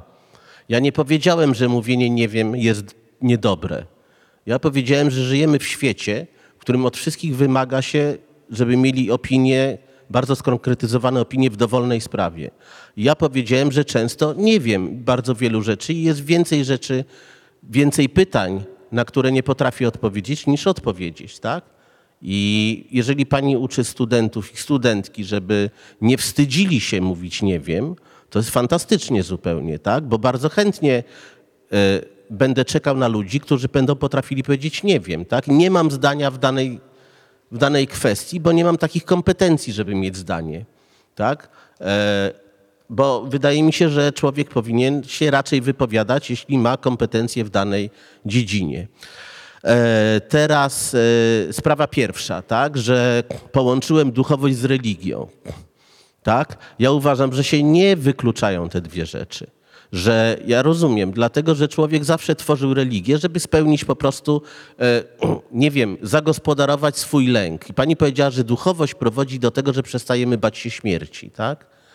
E, A religia, no, nas przeraża śmiercią. Tak, ale pani w tej chwili mówi o, no nie wiem, czy każdej religii, tak? Czy mówimy o katolicyzmie, który budzi w nas, e, nie wiem, poczucie winy, poczucie grzechu e, i straszy nas, tak? E, wie pani, nie, według mnie nie można, religia jest odpowiedzią, często zinstytucjonalizowaną oczywiście i poddaną różnym formalizacjom, odpowiedzią na potrzeby duchowe, tak? I wiele osób się odnajduje w tym. I ja też nie mogę mieć pretensji do ludzi, którzy szukając jakichś odpowiedzi na swoje duchowe wątpliwości, znajdują je w wierze, w religii, tak? Nie, nie umiem potępić po prostu każdej religii. Równości. Nie, ja myślę, że wie pani, to jest różnie. No. To jest różnie. Jeżeli ktoś ma potrzeby duchowe, duchowe, tak, a nie, yy, a nie biret, powiedzmy, i, interes, yy, i odnajduje je w religii, w szczerej, jeżeli, nie wiem, czyta Ewangelię i, i tam odnajduje pocieszenie, to uważam, że to jest okej, tak? Jak najbardziej. I, i mówię to pani jako ateista, którym jestem od, y, przez większość życia. I, I powiem jeszcze coś. Ja w pewnym sensie zazdroszczę ludziom wierzącym, szczerze wierzącym, e, wierzącym, e, no nie wiem co, w zbawienie, w życie wieczne. I nie mówię to wyłącznie o chrześcijanach, mówię o każdym, każdej religii. Jeżeli e, idą według zaleceń jakichś, no nie wiem, jeżeli nikomu nic złego nie robią, tak, to jest okej. E, A trzecia rzecz, wie pani, Raymond, w porządku. To znaczy, jeżeli ktoś daje kasę, e, jeżeli ktoś ma bogatą żonę, bogatego męża, nie ma problemu. Natomiast powiedziałem, że y, i to też nie neguje tego, co pani powiedziała. Wiem, ile ta władza przepala pieniędzy. To są nieprawdopodobne ilości, tak? I oczywiście można byłoby w, w normalnym, zdrowym kraju ustanowić e, różne stypendia, tak? Natomiast jak powiedziałem, dla mnie to jest fundamentalną sprawą jest to, czy chcecie być pisarzem, czy pisać. Jeżeli ktoś chce pisać, tak? Chce pisać, bo czuje taką potrzebę z jakiegoś powodu wewnętrznego, czy mu daimonion siedzi na głowie, czy go zżera, coś mu zżera serce i wątrobę, tak? Bo musi. To nie, to niech pisze na Boga, tak? I, I jednocześnie może pracować w fabryce albo w biurze i nie będę się już odwoływał do jakichś banalnych przykładów Franca Kawki czy Gombrowicza, tak? Bo jeden pracował w zakładzie ubezpieczeń, a drugi w banku, co też mu źle wychodziło w tej, tej Argentynie, tak? E, po prostu ma, mam piękno duchowskie, być może podejście do tego, że jeżeli chce się tworzyć sztukę jakąkolwiek, to nie można tego uzależniać od tego, czy ja dostanę stypendium, czy dostanę pracę, czy ktoś mnie zasponsoruje, czy będę miał pensję i tak dalej, tak? Robisz wszystko. A Mówię, że może mówię to dlatego, że przez całe życie pracowałem na etacie, tak? I utrzymywałem się z tego. To, że miałem co jeść, mieszkać i samochód i tak dalej, to rzeczywiście były pieniądze z mojej pracy, która często rzeczywiście trwała, nie wiem, 10-12 godzin na dobę. Tak? Ale w międzyczasie znajdowałem czas na pisanie. I tyle. Pytania? Panie Krzysztofie, chciałam się zapytać, czy naprawdę tylko klasyka, Raymond Żeromski, Faulkner, czy coś współczesnego też czasami? Znaczy, wie pani, z tym Reymontem to nie do mnie. Tak? Ja po pierwsze Żeromskiego nie przeczytałem. Miałem, w pewnym momencie miałem fantazję, że przeczytam Żeromskiego i się z nim pospieram, ale tego nie zrobiłem, e, bo nawet nie byłem w stanie do popiołów wrócić. Pani profesor powiedziała o Reymoncie. Ja nie mam też niewiele wspólnego, ale dlaczego? Chętnie, chętnie poczytam. Ziemię obiecaną, myślę, że to jest aktualna książka. Nie wiem jak z chłopami, bo nie pamiętam. A ze współczesnych, wie pani, szczerze mówiąc, y, to jest trochę ucieczkowe. Kiedy się zorientowałem, że nie jestem kompletnie w stanie opanować tego, co się dzieje, to znaczy nie nadążę za, y, za premierami, straciłem, powi- powiedziałbym, rodzaj zaufania, tak, e, do y, zaufania, nie, nie chcę powiedzieć do rynku, bo to złe słowo, tak? Jeżeli ja, ja codziennie mamy bestseller i codziennie mamy arcydzieło, to, to ja przestaję w to wierzyć, tak? Ja potrzebuję już pewnie czasu na weryfikację jakąś. Eee, i, I nie jestem w stanie panować. No wie pani, oczywiście czytam Welbecka, tak jak wszyscy czytają Welbecka, dlatego że Welbeck mnie intryguje, ponieważ jest nieodgadniony, tak? E, I jestem na bieżąco, czy Karla Ove Knausgarda rzeczywiście czytałem na, na bieżąco, E, ale czy, czy nie, nie, nie, rzeczywiście nie bardzo śledzę nowości, przyznaję szczerze. Natomiast ten powrót do klasyki oczywiście to nie jest wyraz mojego jakiegoś konserwatyzmu totalnego, ale przede wszystkim w pewnym momencie bardzo zainteresowałem się taką tendencją, czyli nowymi tłumaczeniami klasycznych książek, co ku mojemu zdumieniu zyskało po, popularność. Znaczy popularność, no, jak cię mogę oczywiście. E, okazało się, że bardzo potrzebujemy starych książek w nowych tłumaczeniach.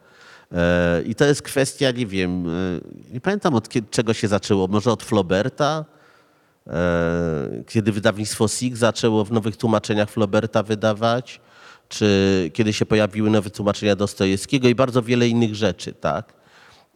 I to mnie absolutnie fascynuje, dlatego że bardzo lubię czytać, tak jak z tym Faulknerem teraz, czytać nowe tłumaczenia klasycznych książek, bo odnajduję w tym nowe. Mm, coś nowego zupełnie, tak? Te książki stają się na nowo odczytane, stają się w sposób zadziwiający aktualne. E, o, i, i, tyle. A poza tym, wie pani, to mój trochę kłopot polega na tym, że jestem felietonistą. I felieton, jako felietonista poluję na tematy, tak? E, Ja w ogóle uważam, że mamy za wielu felietonistów w Polsce. E, A co najmniej połowa nich nie pisze o niczym ciekawym. Najchętniej piszą na zasadzie jestem felietonistą, nie wiem o czym napisać felieton, więc napiszę felieton o tym, że nie wiem o czym napisać felieton, tak? To znaczy jest jakaś plaga felietonistów po prostu, trzeba wytępić w połowie. E, I, I po prostu poluję na te tematy, tak? I oczywiście szukam kuriozów. Jak się chwaliłem, czytam książki Pawła Lisickiego, bo mnie to kręci. E, I e, w związku z tym oglądam dziwne filmy, czytam dziwne książki, e, szukam tematów, więc też, też nie mam możliwości, a jeszcze sam usiłuję coś pisać, sam z siebie, że tak powiem. I, I po prostu nie mam absolutnie najmniejszej możliwości, żeby być na bieżąco. Więc ja tak wymyśliłem, że, że będę co jakiś czas nadrabiał zaległości.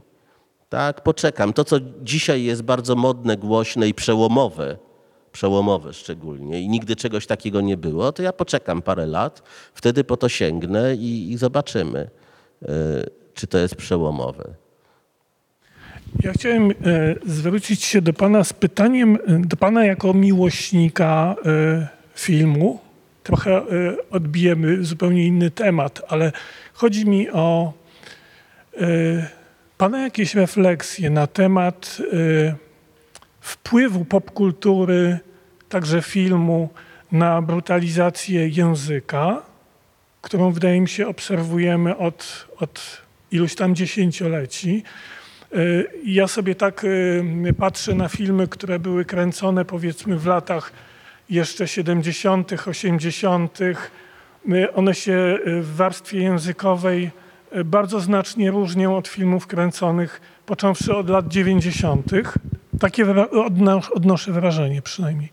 Y, Jak, y, jak popkultura wpłynęła na, y, na brutalizację języka i co za tym idzie, ta brutalizacja języka wpłynęła na brutalizację obyczajów społecznych, politycznych. Mm, Jak, jak pan to widzi? E, Wie pan co, wszyscy jesteśmy wielbicielami kina, więc nie, e, nie mam tu jakiejś specjalnie, specjalnej pozycji. Zwłaszcza, że głównie oglądam klasykę. I świetnie się znam na kinie niemym. E, I na przykład Murnała, Fritza Langa uwielbiam. Cały niemiecki ekspresjonizm, ale nie tylko. Ale wie pan, ja myślę, że tutaj wpadamy w taką pułapkę trochę, tak? która polega na tym, o jak nam się świat zbrutalizował, język zbrutalizował i tak dalej. Na pewno język jakoś się zbrutalizował, ale nie, nie wydaje mi się, żeby, y, żeby specjalnie kino się jakby zbrutalizowało. Wiem, powiem panu tak, inaczej. E, dzisiaj jest o wiele trudniej stracić życie, niż było to w średniowieczu na przykład, a nawet jeszcze, nie wiem, w XIX wieku. E, Mimo, że kultura wówczas no, nie, nie była tak zbrutalizowana jak dzisiaj. E, I zawsze staram się pamiętać o tym, że paradoksalnie żyjemy w najbezpieczniejszych czasach od zarania ludzkości, ponieważ e, jednak spokojnie siedzimy w tym kościele ewangelickim. A gdyby to był rok 1650 któryś, to być może nawet by tu wjechała kawaleria i nas wszystkich wymordowała, bo trwałaby wojna 30-letnia, tak? E, I jestem trochę przeciwny takiemu łatwemu myśleniu, wie pan, oto mamy upadek obyczajów, wszystko się zwulgaryzowało, e, język jest okropny e, i e,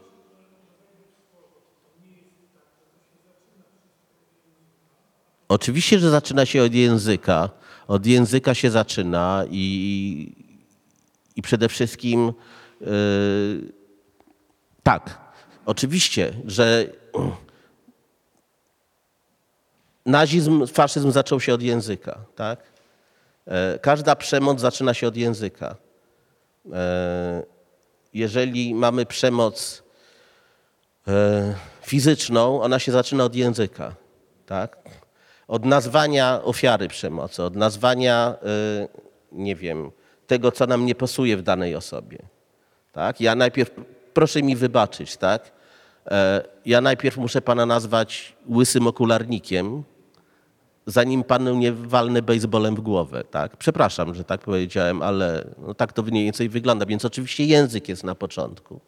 Natomiast ja się jakoś bohatersko opieram, wie pan, takiemu myśleniu, że, że e, nasza kultura się nieustannie degeneruje i jest coraz, coraz bardziej zwulgaryzowana, tak?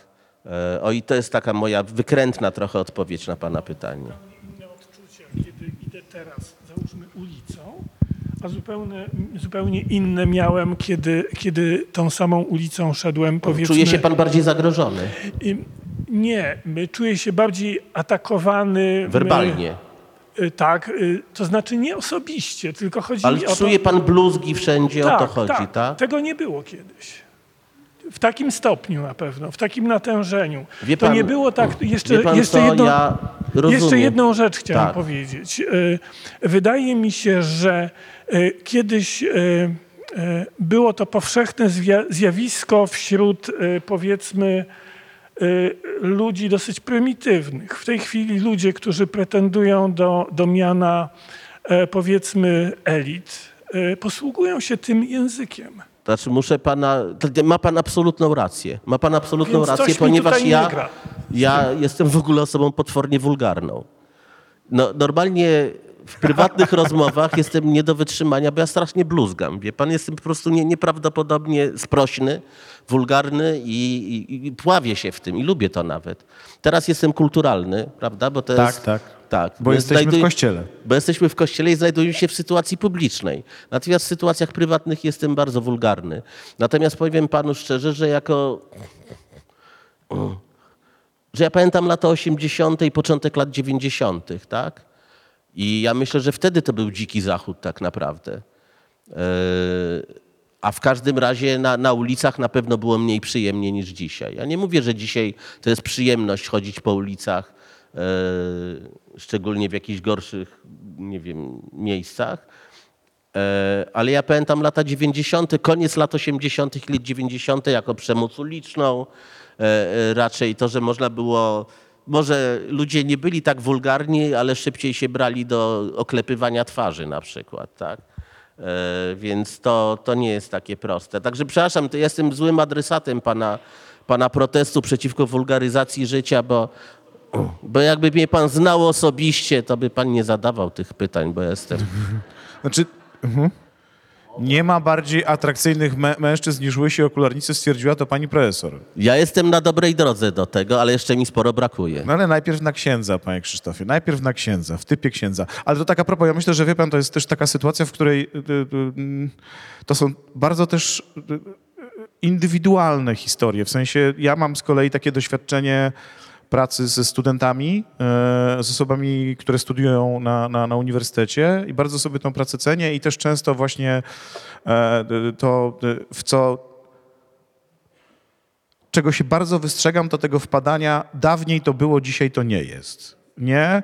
I, e, I oni mi pokazują, że w kulturze, która teraz powstaje, jest wiele y, takich elementów, które no właśnie rzeczywiście są agresywne, chamskie, są przekraczaniem granicy, ale, ale myślę sobie, że, że mi to kiedyś uświadomiła osoba z mojej rodziny, nie? Kiedy zacząłem właśnie o tym rozmawiać, ona mówi, ej, a u ciebie na podwórku, jak się wychowywałeś, to wszyscy słuchali kabaretu starszych panów? Czy to jest rzecz, którą nabyłeś?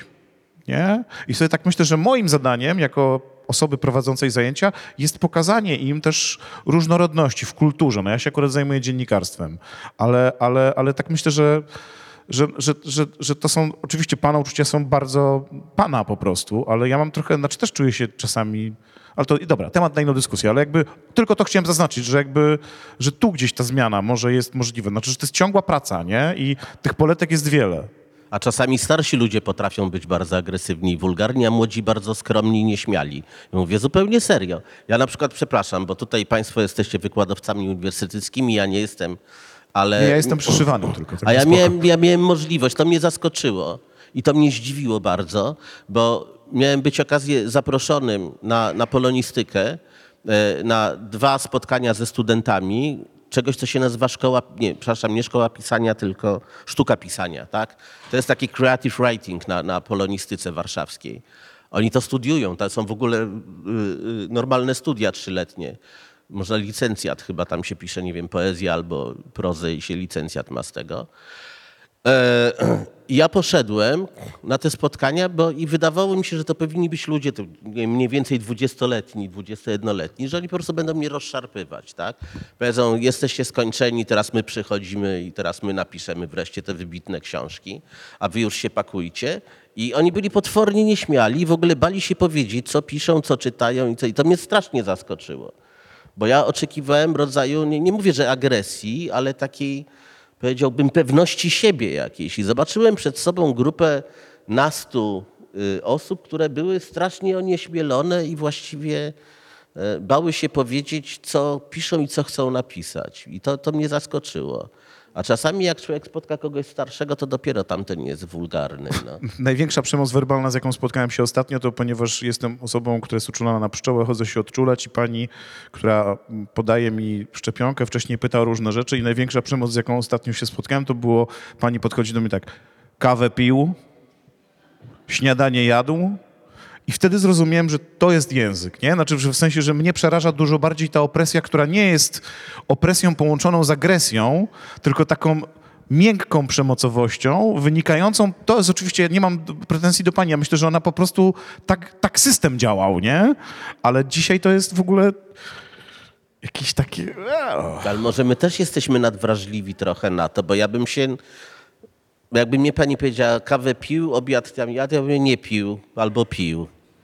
I ty, tak bym, bo bym się w pewien sposób dostosował do No jest tego, taka- w jednym z ja filmów powiedziałem, jest taka To piękna- oburzające, to oburzające, jak pani może w ten sposób się do mnie zwracać? Znaczy moim kłopotem jest trochę to, że my wszyscy się nieustannie oburzamy, obrażamy, żądamy, żeby nas Ale przepraszać. ja się nie oburzyłem. Ja- Ja rozumiem, tylko że wyobrażam sobie, że dużo osób wychodziło od tej pani i mówiło, to oburzające, co za chamstwo, co za brak kultury, tak? A ja myślę, że po prostu trzeba to normalnie znieść, powiedzieć, tak, piło się kawy.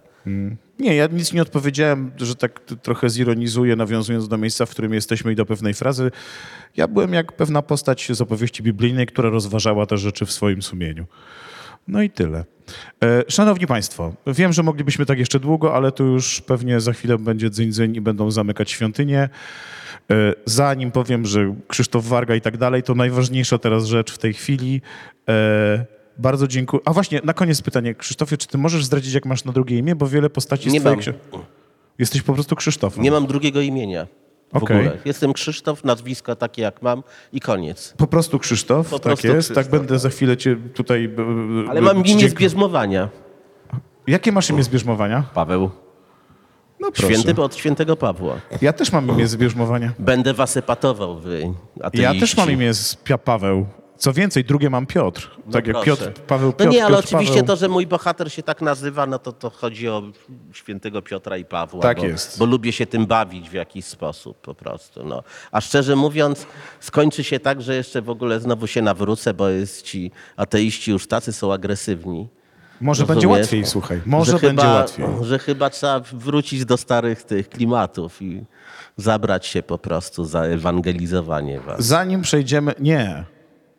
Nie rób tego. Kiedyś prowadziłem spotkanie z Szymonem Hołownią i pojawiło się takie pytanie, naprawdę. Ktoś przyszedł, teraz wiem, że to już było, wiecie, takie, że to było trzy tygodnie przed i że ktoś już tam się coś formowało i tak, a Szymon, Szymon, a może ty byś, ha, ha, ha, na prezydenta?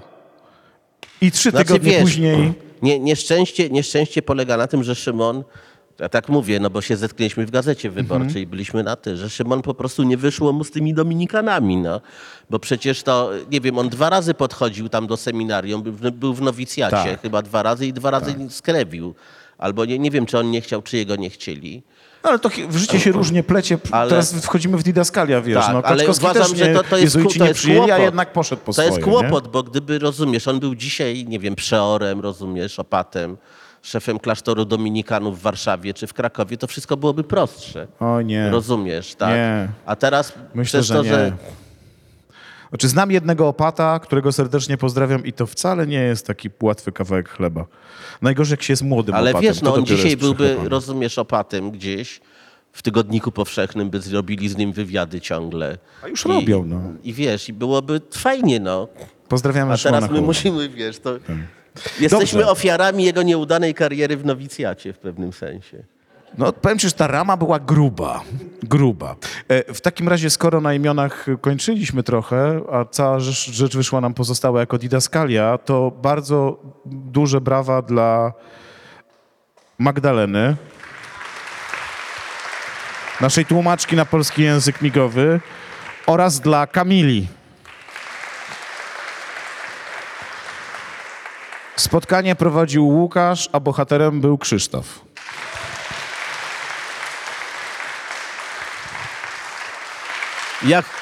Ja, chciałem, ja chciałem Państwu serdecznie podziękować, że przyszliście i okazuje się, że po prostu nie ma lepszego miejsca niż Kościół, e, bo okazuje się, że ludzie przychodzą tłumnie, czują się dobrze, są zadowoleni, uśmiechają się. Tak, nie są agresywni, także y, generalnie teraz będę robił spotkania ze sobą w kościołach. Dziękuję bardzo. Mamy nadzieję, że Ci się podobało. Poleć nas znajomym. Oceń w serwisach streamingowych. Twoja opinia jest dla nas ważna. Dzięki niej możemy się rozwijać i tworzyć kolejne materiały audialne.